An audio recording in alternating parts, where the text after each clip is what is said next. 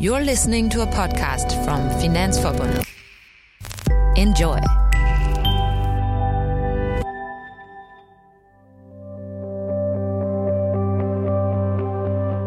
Hello, my name is Kay Xander Mellish, and I'm here to tell you about the benefits of the Financial Services Union Denmark, the Finansforbundet. When you first arrive in Denmark to work or look for work, the last thing you need is another monthly expense. So many foreigners save money by not joining a union. And I was one of them. To be honest, joining a union never even occurred to me. Now, in the U.S., where I come from, unions are either for hands on workers, steel workers, uh, hotel housekeepers, or for civil servants like school teachers and cops. Knowledge workers and creative types are almost never unionized.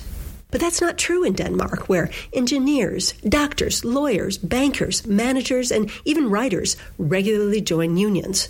When it comes to the financial area, the Financial Services Union Denmark, known as the Finansforbundet in Danish, represents all different types of employees at financial companies, from IT experts to office cleaners to currency dealers. Unions can arguably be even more important for foreign employees than they are for Danes, and this is also true for temporary workers and contract workers. And the union fees are deductible from income when it comes to your giant Danish taxes. Joining a union gives you access to people who know how things work in Denmark. First of all, when you join a union, you get access to their specialists. These people speak Danish, they know the right Danish salary levels, and they know the Danish social welfare system. So when you receive a contract from a Danish company, your union can go through the contract and make sure you're getting a fair deal when it comes to salary and benefits. They can look at vacation time, parental leave benefits, whatever, and see if there are any red flags that you can negotiate away before you sign. Now, Danish employers expect this. They will not be annoyed if you ask for a day or two to review the contract with your union. The person hiring you probably did this herself before she took her job. Managers are also unionized. It's completely normal. Now, the Finansforbundet can also be there when everything goes wrong on the job. If things don't go as expected, the union can be your backup. When you have a dispute with your employer, you can feel pretty vulnerable as a foreigner, especially if your residence permit depends on your job. Your union can get involved and tell you what your rights are. Sometimes they'll even take a meeting with you and your employer to get things sorted out. And if you lose your job, which happens regularly to both Danes and foreigners, then you really need a union. The famous flexicurity system in Denmark means it's relatively easy to let go of people, especially if they've worked at a company for less than a year. You can be laid off, or as the Danes insist on saying, fired, without having done anything wrong. Maybe the company's changing strategy, restructuring, or simply having a bad year. And off you go. Now, when you're let go in Denmark, which has happened to me more than once, they call you into a conference room that generally only contains two people, one of whom tells you you no longer have a job, plus one to serve as a witness.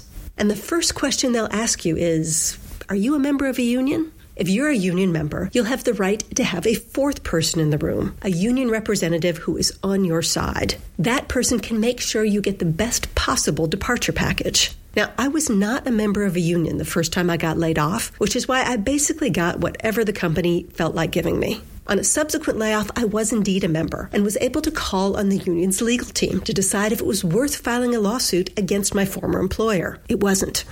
The Finansforbundet is for people who work in the financial area, such as banks, mortgage institutions, and finance IT. The good thing about a sector union like the Finansforbundet is that they know your industry and the people within it very well. They have a good overview of the job prospects, the upcoming skill requirements, and the new companies within the sector. They are also the ones who negotiated the collective agreement in the finance sector that forms the basis for your pay and your working conditions.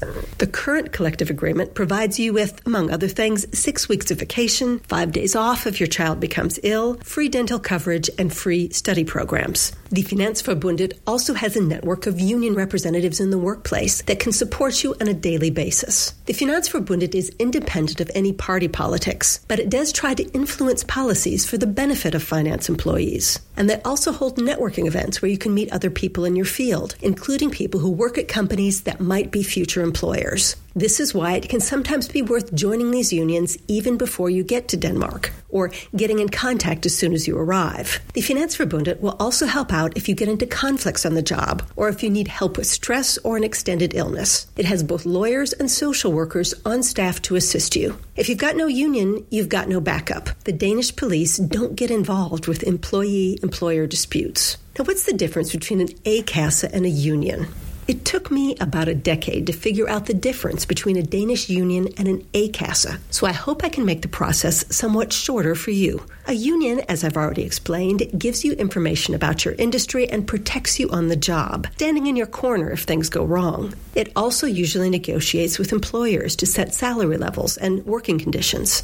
An A-kasse, by contrast, distributes your unemployment payments if you have a right to unemployment payments. That usually requires EU citizenship or a permanent residency card. In other words, if you've come to Denmark to work from India, China, Africa, the USA, Canada, or any other non EU area, you don't need an A-kasse until you are granted permanent residency in Denmark. But you can still benefit from a union. If you come from the EU or an EEA country like Norway or Switzerland, you should sign up for an A-kasse as soon as you can. You will probably have to have lived in Denmark for a few years before you can get unemployment payments.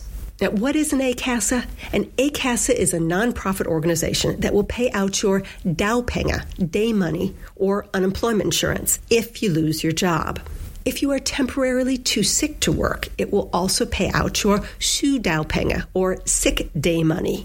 The truth is, the money they distribute comes mostly from the Danish government. The A-kasse is the administrator. Now, your A-kasse will, working together with the union, also do various things to try to muscle you back into the workplace, like helping you write your CV and repeatedly directing you towards job openings. The Unemployment Insurance Fund of the Finansforbundet, part of FTFA, is an offer tailor made to people people who work in the financial area. Now, skipping an A-kasse is a stupid way to save money. You pay for your A-kasse on a quarterly basis, but it's deductible from your Danish taxes, so it doesn't really cost that much.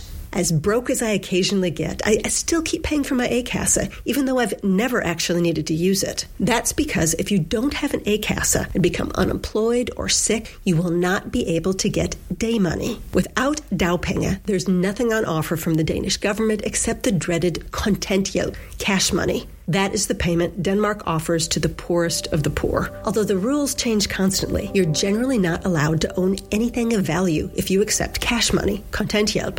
Now, that means selling your home, your vehicles, even your jewelry in some cases. It's all very ugly and unpleasant, which is why I suggest signing up for an A-kasse as soon as you're eligible.